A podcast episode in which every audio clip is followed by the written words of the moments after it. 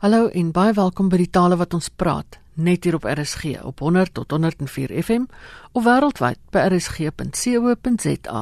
Jy kan ook na ons luister op die DStv kanaal 813. 'n Tyd gelede het ek met professor Nerina Bosman van die Universiteit van Pretoria en professor Anel Otto van die Nelson Mandela Bay Universiteit gepraat oor hulle navorsing oor aanspreekvorme. Ek praat vanoggend weer met professor Bosman van die Departement Afrikaans aan die Universiteit van Pretoria oor hulle vordering met die navorsing. En nou ja, aanspreekvorme is 'n vreeslike lekker aspek van taalgebruik om te ondersoek, want dit gee vir ons 'n idee oor die verhoudings wat daar tussen mense bestaan in 'n spesifieke samelewing. En in ons geval dan nou veral in die Afrikaans sprekende samelewing. So ons ons doen die navorsing uit 'n sosio-linguistiese hoek en die sosio-linguistiek sê vir ons dat aanspreekvorme nogal 'n weerspieëling is van kragte soos magsverhoudinge, status, gelykheid of juis ongelykheid in 'n samelewing. So ons sou baie graag eintlik 'n stekopname maak um, min of meer 20 jaar na ons demokratiese oorgang oor wat gaan aan in die samelewing en ons sou graag ietsie wou sê oor hoe dit moontlik verander het. Dit is die samelewing. Soos wat ons weer speel sien in aanspreekvorme. So dit is was eintlik die motivering agter die projek. Julle is nou gereed met 'n vraelys. Vertel ons 'n bietjie ja. van die vraelys. Ja, ons het 'n loodsvraelys uitgestuur en dit was op 'n informele manier.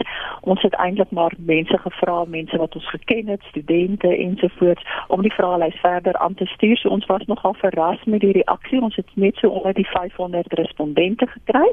Ons het net gevra oor u en jy en ons het nou 'n artikel geskryf ook. Dit is gepubliseer op Litnet akademies oor wat ons bevindinge dan was vanuit hierdie loods vraelys. Maar dit is natuurlik nog glad nie naaste by genoeg nie. So ons het nou gewerk ondertussen onder andere om 'n nuwe vraelys op te stel waaroor ons baie meer um, aspekte onder die loop bring en meer inligting eintlik vra van ons respondente. En daardie vraelys is nou gereed om uitgestuur te word. En op wie is hierdie verhaallys gemik?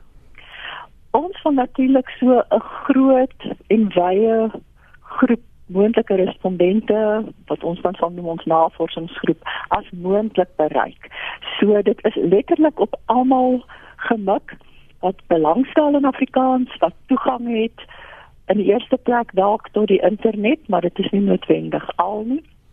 En dit is alle sprekers van Afrikaans, alle groepe, alle rassegroepe, alle godsdienstgroepe, klein en groot, oud en jonk wil ons graag hiermee bereik. Ons wil regtig ons net wyd gooi. Um en ek by die vorige uitstuur van die vraelys het mense van dwars oor die wêreld letterlik um vir ons um of aan my geskryf eers ek het al daai etosse nog ek gaan almal weer kontak. So die reaksie was regtig baie bemoedigend en ons wil nou baie meer as 500 uh, ingevulde vraelyste terugkry. Ek lei dan af dis ook nie beperk tot 'n ouderdomsgroep nie want ek dink ouderdomsgroepe sien die saak verskillend. Ja um, omdat ons ook etiese verklaring moet skryf vir ons projek kan slegs mense wat 18 jaar is en ouer die vraelys antwoord want mense jonger as 18 het skriftelike toestemming nodig van hulle ouers. So as ons respondente wil ehm um, hê wat jonger is as 18, moet ons dan eintlik via die ouers werk en ouers moet 'n toestemmingsbrief vir ons skryf. Dit is nie onmoontlik nie. Ons doen dit ook. Dit sal ons dan eerder met 'n uh, papiervraelyste uh, doen um, omdat ons nou soos ek sê nie hierdie etiese mm. voorwaardes mag oortree nie maar ons is ook besig om kinders natuurlik jonger as 18 te ondervra en dan so oud as wat mense graag nog wil bydra lewer ek mag net sê dat um, ouer respondente dit so 80 jaar en ouer besonder waardevolle inligting vir ons kan gee oor hoe die stand van sake baie jare gelede was sodat ons so 'n uh, vergelyking kan tref met hoe dit miskien verander het nou. Nou benewens die vraelys, watter ander maniere is daar waarop jy inligting insamel? Die heel beste manier om hierdie soort navorsing te doen, omdat ons eintlik wil weet hoe gebruik mense dit regtig, die aanspreekvorme, is 'n manier wat ons sistematiese waarneming doen. So mens hou maar jou ore oop en sodra jy iets opvallends ehm um, raak luister, dan skryf jy dit neer. Ehm um, my studente doen dit sommer op hulle slimfone, ek eintlik ook, maar ek het ook 'n klein swart boekie. So mens mens skryf letterlik op waar het jy 'n spesifieke aanspreekvorm um raak gehoor, raak geloop en dit is gewoonlik iets wat vir mense opval soos die gebruik byvoorbeeld van jy wat mense eintlik nie sou verwag nie eerder u of iets soos u hulle wat ek um persoonlik nog net in die Weskaap gehoor het, maar baie van hierdie soort forme doen ons dan op 'n sistematiese manier. So mense skat maar die persoon se ouderdom in, mense sê dan wat is die persoon se ras ensovoorts. Maar dit is ontsettend uh, langsaam en tydrowend. So ons het ook ander maniere onderhoude is 'n goeie manier om 'n bietjie meer in diepte inligting te kry. En ons kyk ook na allerlei uh soorte geskrewe tekste, byvoorbeeld advertensies. E-posse tussen dosent en student is nogal ook 'n lekker bron van inligting. En dan werk um, my studente, die derdejaars studente, die hongeurstudente, ek het 'n MA student en 'n doktorale student saam met uh, Dr. De Wet by die Universiteit van die Vrystaat. Hulle werk dan ook op 'n baie sistematiese manier om om inligting in te samel. So dit is nou hier by die hmm. ekstra inligting wat ek ook graag van mense sal hoor as hulle met my uh, e-pos onderhoud sal wil voer of selfs miskien van aangesig tot aangesig sodat ons op soveel moontlik maniere inligting bymekaar kan kry en dan op die ou einde 'n mooi geheel prentjie kan gee van hoe lyk die 21ste vroeg 21ste eeu se aanspreekvormstelsel. Hmm. En voor ons by maniere kom hoe sê nou maar ons luisteraars betrokke kan raak. Watter soort vrae sou jy byvoorbeeld kon vra? Goed, ons begin in ons vraelys begin ons maar met u en jy. So uh, nie alleen wil ons weet of mense die u-vorm nog gebruik nie. Dit is ehm um, volgens alle literatuur wat ons nog gelees het en dit was ook ons eie bevinding. U is 'n seldsame vorm maar hy is nog daar. Hy word dit word definitief nog gebruik, maar net onder baie spesifieke omstandighede. Ja. Goed, en dan vra ons ook nogal hoe kinders en um, hulle ouers aanspreek of dan jong mense hulle ouers aanspreek of hoe mense vroeër hulle ouers aangespreek het. Ons vermoed daar is 'n beweging weg van die sogenaamde suidelingse aanspreekvorme soos mamma sal mamma my help, nou mamma sal jy my hmm. help. So ons wil kyk of ons vermoede daar reg is. En dan die allerteenwoordige oom en tannie waaroor mense ontsettende sterk gevoelens soms het. Uh, ons wil ook kyk of die gebruik nog taamlik lewendig is in Afrikaans of nie of dit ook besig is om te verdwyn.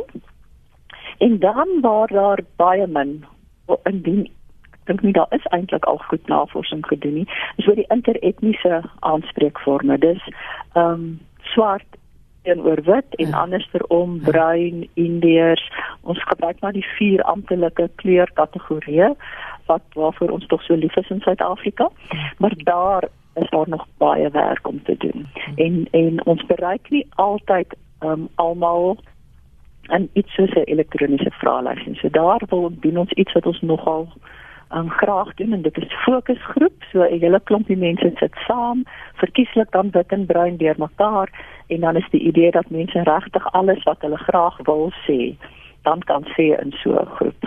Nou elektroniese vraelyste bereik daarom ook die die platteland en verafgeleë gebiede vermoed mens.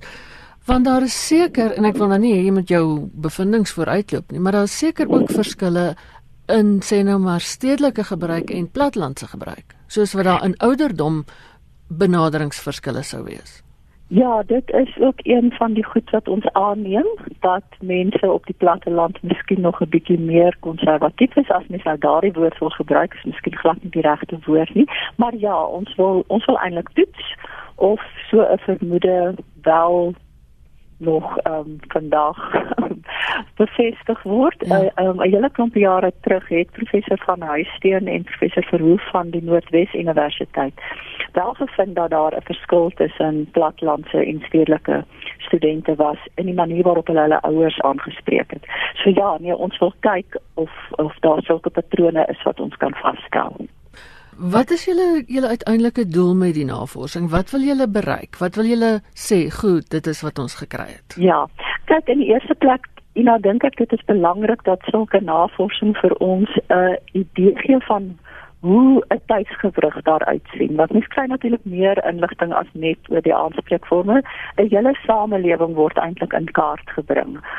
Ehm um, en dit kan dalk op 'n manier ook vir ons wys waar is daar nog sekere areas waar daar rassespanning is in die manier waarop mense mekaar aanspreek. Hmm. So ek dink dit is waardevol om vir ons 'n beeld te gee van ons samelewing.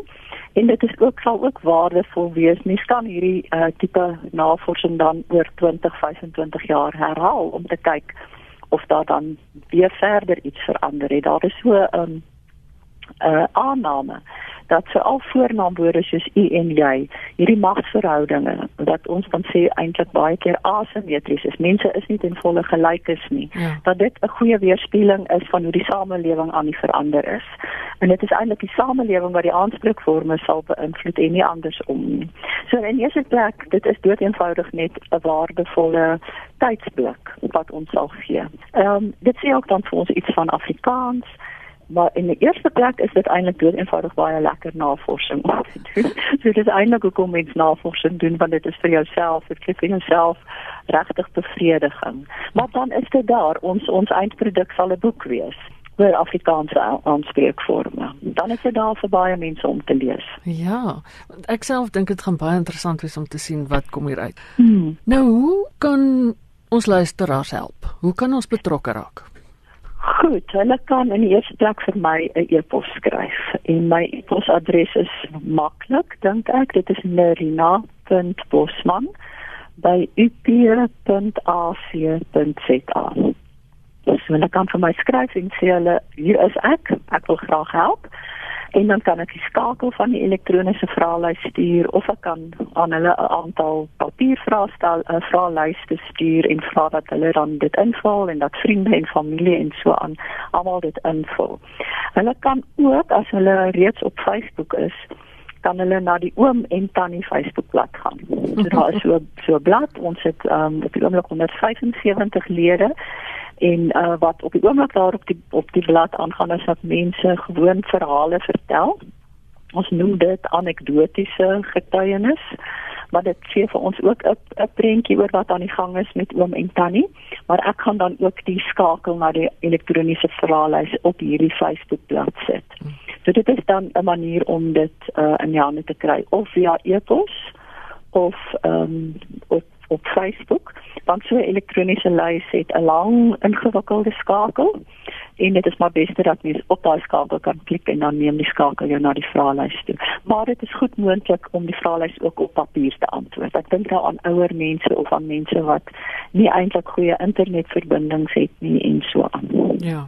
En dit is seker hoe meer mense deelneem, hoe meer betroubaar ja, is die navorsing. Hoe meer ehm um, geldige aannames kan hmm. ons maak wat wat iets is wat mens natuurlik graag wil doen en um, hoe meer voorstellings kan 'n mens dalk maak. Nee, um, ek wil maar net sê ons het ook daar is nog altyd plek vir uh, nagraadse studente om te sê goed ek wil graag 'n MA doen. Iets hierso het my nou geïnteresseer. Ek het byvoorbeeld 'n derdejaars student wat oortuig is daarvan dat mense mekaar nog neef en niggie noem en dis nou nie as jy familie is nie, dis byna so iets soos oom en tannie. So dit sal interessant wees om te kyk of dit hoegenaamd nog die geval is. Ehm um, daar's baie aspekte soos ek sê vir al die interetniese aanspreekvorme daar kan ons nog lekker werk doen. Daar's groot dele van Suid-Afrika waar ons ook nog nie vreeslik baie werk gedoen het oor die variëteit in 'n bepaalde streek nie. En met so 'n projek kry mens ook inligting oor die variëteite van Afrikaans natuurlik. So dit strek eintlik nog verder as net aanspreekvorme. Ja. So hulle almal is welkom om vir my te sê, kyk ek wil graag op 'n baie sistematiese manier navorsing doen. Um, hoe lyk dit? Ek wil net gou iets vra oor die interetniese aanspreekvorme. Mm. Is taal nie daar dalk 'n struikelblok nie? Kyk, as die as die gesprekstaal wat nou deesdae verkies word Engels is, ja, dan sal mens nie veel afleidings kan maak oor Afrikaanse aanspreekvorme nie. Maar ek toets hierdie hele kwessie jong, ek praat maar Afrikaans oral om te kyk wat wat kry mense terug en jy kan regtig nog baie lekker baie dinge oor Afrikaans um, te weet kom. Ek ek staan byvoorbeeld nou net een voorbeeld. Ek sal in die tuin staan by die kasregister en 'n wit ma sal vir die wit kind sê, "Maar vra gou vir hierdie tannie." En dan is die tannie 'n swart vrou. Ja, ja. En dan is die aanspreekvorm tannie. Nou dit is definitief iets wat nou verander het al. So dis nou die soort sistematiese waarneming wat ons al kan doen. Maar ja, nee, die aanname is dat al twee mense wat met mekaar praat Afrikaans gebruik. En dit daar dink ek het ons waardevolle tyd verloor. In die tyd wat Afrikaans nog meer die lingua franca was, was vir Suid-Afrika sou mens meer inligting kon kry maar die navorsing is dood eenvoudig nie destyds gedoen nie. En daar's natuurlik dan hierdie ding van baas en missies, nê? O ja. Dit's baie goed, maar onder andere. Ja, ja. Om net om 'n bietjie te weer net so 'n bietjie polshoogte te neem hoe is dit? Um, aan da, da, die die manier waarop um, mense interetnies kommunikeer strek natuurlik ook weier net as as aanspreekvorme, maar aanspreekvorme klaar gee vir mense soort aanduiding. Dit was professor Nerina Bosman van die departement Afrikaans aan die Universiteit van Pretoria. Ek gee weer haar e-posadres: nerina.bosman@ip.ac.za. En daar is ook die Oom en Tannie Facebookblad waar jy jou mening oor die kwessie kan lig. daarmee is dit tyd om te groet. Jy kan weer na die program of na vorige programme luister op RSG se webwerf. Jy laai net die potgooi af by rsg.co.za of jy kan donderdagoggend 3 uur in deurnag na die herhaling luister. Ek hoor baie graag van jou. My e-posadres is strydomjj@sabc.co.za. Geniet die res van die dag in RSG se geselskap en van my Ina Strydom groete. Tot 'n volgende keer.